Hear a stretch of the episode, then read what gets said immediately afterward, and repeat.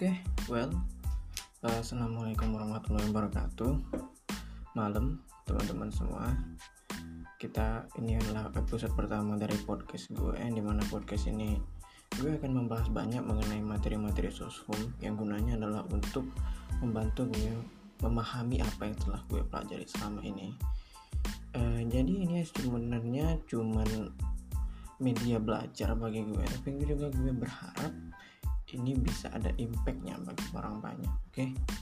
nah jadi apa aja yang mau kita bahas pada hari ini? Nah, di malam hari ini gue akan membahas banyak masalah sosiologi.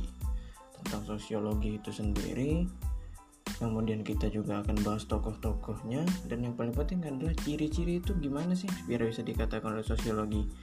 Atau mungkin pertanyaan yang paling mendasar ketika kita mempelajari sebuah ilmu adalah apa sih ilmu itu? Nah konteksnya agak beda guys. Apabila kita membahas tentang ilmu sosial apabila kita bahas di ilmu sosial tentunya sangat beda dengan ilmu IPA atau ilmu-ilmu alam yang uh, notabene gue alami dan gue pelajari selama SMA karena SMA gue jurusan IPA dan ilmu sosial itu sangat beda dengan ilmu alam kalau ilmu alam ya ilmu alam. Buktinya dan di sekitar lo di mana eh, misal kita biologi belajar masalah tumbuhan lo bisa lihat tumbuhan itu seperti apa. Kemudian di situ dilakukan penelitian yang buktinya ada secara fisik dan kemudian dipelajari. Nah namun sosiologi ini berbeda. Ketika pertama kali gue belajar di ilmu sosial laboratorium ilmu sosial itu selalu diceritakan dari kakak-kakak tingkat gue bahwa laboratorium ilmu sosial itu adalah masyarakat karena masyarakat adalah apa yang diteliti dan apa yang dipelajari oleh ilmu sosial. Nah, dan sosiologi tentunya sebagaimana kita artiin secara definisi secara uh, literally sosiologi kan berasal dari dua kata itu yaitu sosio dan logos logos kayak ilmu-ilmu biasa biologi kemudian yang lain kita tahu bahwa logos itu adalah ilmu Kemudian sosiologi. Nah, di sini sosiologi mencakup masyarakat. Dua pengertian inilah yang menurut gue bakal memberikan pengertian tentang apa itu sosiologi. Jadi kita jawab pertanyaan yang pertama nih, apa itu sosiologi? Jadi sosiologi adalah ilmu pengetahuan. Ilmu pengetahuan yang gimana yang mempelajari tentang tata hubungan dalam masyarakat serta apa tujuan dari sosiologi ini adalah mencari pengertian-pengertian umum, rasional empiris bersifat umum dan dikontrol secara kritis oleh orang lain yang ingin mengetahuinya. Itu textbook. Singkatnya diartiin, gue ngertiin sosiologi sebagai ilmu pengetahuan yang mempelajari tentang interaksi sosial di masyarakat. Titik. Nah, tadi kita sudah singgung berapa kata. Ada yang satu-satunya itu empiris. Tentunya kalau kita belajar PKN ya, sangat uh, akrab dengan kata empiris ini di mana empiris ini juga merupakan salah satu ciri-ciri dari sosiologi. Sosiologi sebagaimana kata gue, ada ciri-cirinya. Ciri-cirinya ini adalah yang mendasari supaya sosiologi itu bisa terlihat. Sosiologi yang pertama ada empat ciri. Oke. Ada empat ciri sosiologi, yaitu empiris, teoritis, kumulatif, dan non etis. Kita bakal bahas satu-satu guys. Jadi empiris dulu. Empiris itu mengatakan menandakan bahwa sosiologi didasarkan pada observasi terhadap kenyataan dan akal sehat. Nah, ini gimana sih maksudnya? Maksudnya adalah ilmu sosiologi, ilmu yang mempelajari tentang pengetahuan dalam masyarakat, interaksi dalam masyarakat. Walaupun kita nggak tahu objek pastinya apa, seperti kayak kata gue tadi kalau biologi tentang daun yang neliti tentang tanaman, tumbuhan, tapi jangan lupa kalau sosiologi walaupun ilmu sosial itu kadang nggak didefinisikan, objek ilmu sosial itu adalah ya kita sendiri. Kita dan masyarakat sekitar kita itu adalah objek ilmu sosial. Jadi apabila kita melakukan observasi, observasinya dalam uh, ruang lingkup ilmu sosiologi terhadap kenyataan yang dimaksud di sini guys adalah kenyataannya itu adalah tentang manusia jadi, ilmu sosiologi itu didasarkan pada observasi terhadap kenyataan dan akal sehat. Maksudnya adalah apa yang kita teliti itu ada di depan mata kita. apa yang terjadi itu bisa dijelaskan melalui kenyataan. Jadi peneliti sosiologi dalam ruang luar ruang lingkup ilmu ini tidak boleh menduga-duga ataupun berspekulasi. Ini berkaitan dengan ciri-ciri berikutnya yaitu teoritis. Jadi yang pertama ada empiris, kemudian yang kedua teoritis. Dari hasil-hasil observasi tersebut, supaya ia terlihat nyata, teoritis, ilmiah, itu selalu diusahakan bahwa sosiologi menyusun abstraksi dari hasil-hasil observasi yang konkret di lapangan. Maksudnya adalah hasil-hasil pengamatan tersebut apabila ingin dituangkan ke dalam ilmu sosiologi adalah kita harus nyusun abstraksinya dari hasil observasi yang benar. Jadi empiris dan teoritis ini adalah berkaitan satu sama lain. Jadi yang pertama itu tidak menduga-duga sesuai akal sehat, sesuai kenyataan. Dan kedua teoritis, teoritis maksudnya adalah benar. Jadi akal sehat kita itu diuji. Dugaan kita itu diuji benar apa enggaknya melalui teoritis, empiris dan teoritis. Kemudian yang ketiga ada kumulatif. Kumulatif itu artinya dibentuk dari teori-teori yang sudah ada dalam arti memperbaiki, memperluas, dan memperhalus. Sosiologi ini sejarahnya adalah dia adalah teori yang uh, muncul di abad pertengahan kurang lebih ketika waktu Renaissance sebelum Renaissance dari bapaknya Augustus Auguste Comte di mana kumulatif maksudnya adalah dia dibentuk dari teori-teori yang sudah ada baik sosiologi itu sendiri maupun penelitian mengenai sosiologi. Dibentuk dari teori yang sudah ada, maksudnya adalah sosiologi dibentuk dari ilmu-ilmu lain seperti ilmu-ilmu filsafat, ilmu-ilmu pemikiran tentang alam, pemikiran tentang antropologi, pemikiran tentang biologi dan lain-lain. Kemudian dibentuk jadi satu yang namanya sosiologi. Nah, ini juga bisa diaplikasikan bahwa ciri-ciri yang ketiga yaitu ciri-ciri kumulatif juga bisa diaplikasikan ketika ingin membuat hasil penelitian yang baru. Jadi maksudnya ilmu-ilmu di masyarakat itu kan terus berubah guys. Dia nggak menetap karena masyarakat juga mengalami perubahan dan berinteraksi, membuat kebudayaan yang baru, eh, kasta sosial yang baru dan lain-lain. Nah maksudnya adalah ketika seseorang sosiolog ingin membuat sebuah teori yang baru, ia harus punya dasar dengan dasar-dasarnya adalah dikumpulkan secara kumulatif dari teori-teori yang lama. Bisa jadi teori-teori yang lama itu salah, ia perbaiki. Bisa jadi teori yang lama itu sempit, ia perluas. Dan bisa jadi teori yang lama itu masih kasar, ia perhalus. Jadi itu maksudnya.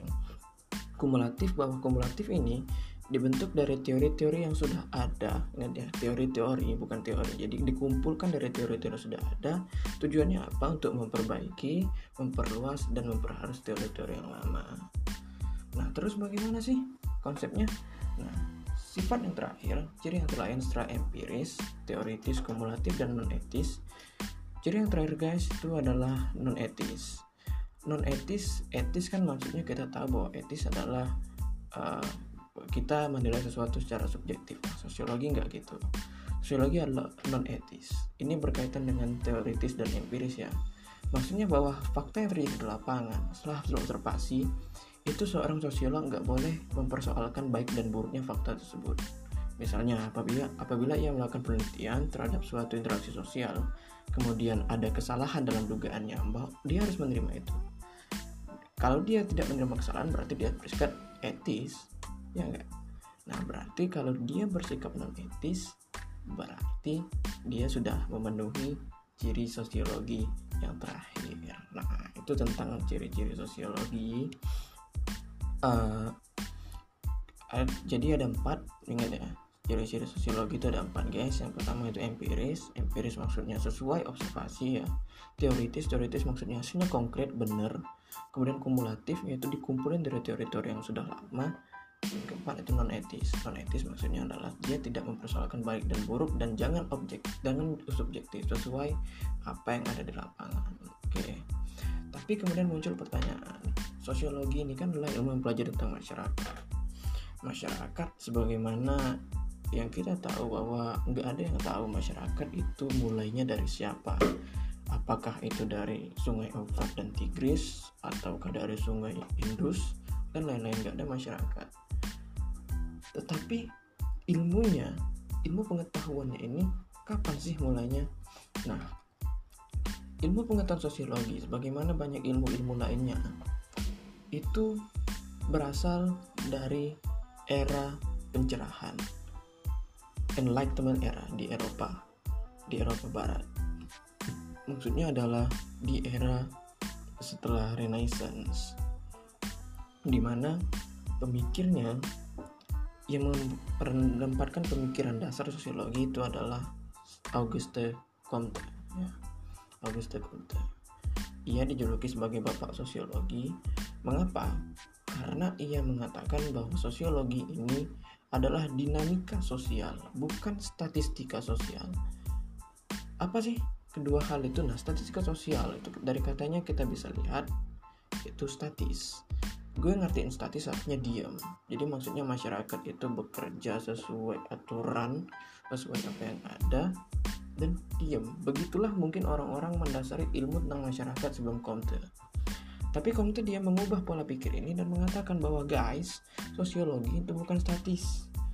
Maksudnya adalah ilmu-ilmu yang di masyarakat itu sifatnya dinamis. Nah jadi Auguste Comte mengatakan bahwa sosiologi itu adalah dinamika sosial, bahwa apa yang terjadi di masyarakat itu nggak bisa diprediksi karena sosial sosiologi itu sifatnya dinamis, nggak statis. Kemudian ada lagi, ia juga menempatkan dasar yang salah satunya adalah keempat jadi kita pelajari tadi. Ia mengatakan bahwa e, gejala sosial dapat dipelajari dengan beberapa metode, misalnya pengamatan, percobaan, perbandingan, dan sejarah. Nah, jadi di sini gejala sosial itu juga bisa dipelajari. Mungkin sebelumnya, sebelum Comte, nggak ada seorang sosiolog yang mempelajari ilmu tentang masyarakat yang berpikir bahwa gejala sosial itu dapat dipelajari dengan observasi. Tapi Comte membantah hal tersebut dan ia mengatakan bahwa bisa diajarkan dengan hal tersebut. Nah, itu yang dinamakan dengan sosiologi tradisional yang dibawa oleh bapak sosiologi yaitu Auguste Comte. Kemudian ada Emile Durkheim.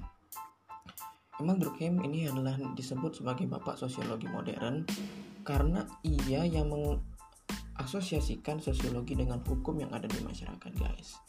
Jadi maksudnya bahwa apabila kita ingin mempelajari tentang sosiologi yaitu mempelajari tentang fakta-fakta sosial yang ada di masyarakat kita harus merelatekan menghubungkan antara masyarakat dengan hukum yang berlaku di masyarakat tersebut. Nah, jadi di sini juga disebutkan bahwa Emil Durkheim ini adalah peta dasar pemikiran sosiologi modern. Mengapa? Karena ia mengasosiasikan sosiologi dengan hukum. Oke.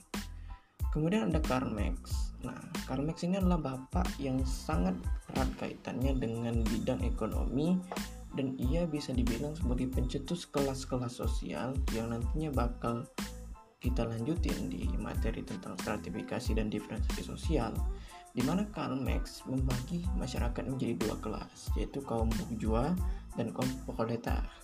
Nah, maksudnya adalah uh, di masyarakat sosial itu terbagi dua. Yaitu bourgeois seperti tadi bourgeois itu apa? Yaitu kelas atas. Kelas atas maksudnya orang-orang kaya orang-orang yang kalau zaman dulu itu yang memiliki tanah yang memiliki uh, sumber daya yang memiliki faktor produksi dan juga kaum proletar. Proletar maksudnya adalah ya adalah kaum kelas bawah. Yaitu buruh yang diperintah yang disuruh mengerjakan. Nah Karl Marx menyadari sebagai peneliti masyarakat, sebagai peneliti sosial, ia menyadari guys bahwa apabila kelas proletar ini terus dieksploitasi, terus di apa namanya diambil sumber dayanya, terus disuruh untuk bekerja tanpa henti, maka mereka itu bisa membuat suatu perkumpulan dari kelas proletar dan kemudian mereka memberontak Nah, apabila mereka memberontak, apabila sumber daya yang dimiliki oleh kaum bourgeois sebelumnya itu dikuasai, tanah-tanah itu sudah dikuasai oleh kelas proletar, maka di situlah akan tercipta masyarakat yang adil. Maksudnya adalah masyarakat tanpa kelas, tanpa pemimpin, tanpa politikus, semuanya bersama-sama. Inilah yang meletakkan dasar pemikiran so, uh, sosialis atau komunis. Jadi masyarakat yang terbentuknya nanti itu masyarakat tanpa kelas. yang keempat tokoh-tokoh sosiologi tadi ada Max Weber Max Weber ini berpendapat bahwa manusia ketika kita mempelajari perilaku manusia dalam konteks ilmu sosiologi kita harus menyadari bahwa manusia melakukan setiap tindakan itu dengan subjektif jadi kata kunci yang perlu diingat guys dari Max Weber ini adalah bahwa dia beranggapan bahwa manusia bertindak subjektif. Yang artinya konflik bisa bermula dari integrasi dan integrasi bisa bermula dari konflik. Dan kedua itu integrasi integrasi kemudian dipanjangkan menjadi kerjasama persahabatan pertemanan. Dan konflik yang bisa dipanjangkan menjadi perang atau mungkin tindakan yang tidak damai itu adalah unsur manusia yang tidak dapat dipisahkan. Sifatnya sama apa? Subjektif mengapa subjektif karena manusia mengapa manusia karena manusia adalah objek yang dipelajari dalam sosiologi gitu jadi ia berpendapat bahwa sosiologi tindakan sosial, tindakan sosial gimana? Subjektif maksudnya. Oke. Kemudian ada Charles Cooley. Charles Cooley adalah sosiologi yang merupakan hubungan timbal balik. Maksudnya dulu tidak ada bahwa ob objek penelitian sosial dulu itu hanya di adanya disatukan yaitu manusia dan masyarakat. Nah, kemudian Cooley dia membagi lagi yaitu ada manusia dengan manusia, kemudian manusia dengan kelompok masyarakat, kelompok masyarakat dengan manusia, dan kelompok masyarakat dengan kelompok masyarakat lainnya. Jadi kulilah yang membuat keempat hal tersebut bahwa hubungan timbal balik tersebut terjadi antara empat itu. Nah, apabila kelima sosiolog tadi itu berasal dari Eropa Barat, nah satu orang sosiolog modern yaitu Talcott Parsons, ia berasal dari Amerika Serikat ia mengumpulkan teori, uh, teori tindakan bahwa tindakan adalah cara untuk menyatukan peraturan sosial. Jadi ini bisa dikatakan sebagai pengembangan dari teori Durkheim. Yang Durkheim tadi yang mengaitkan dengan hukuman.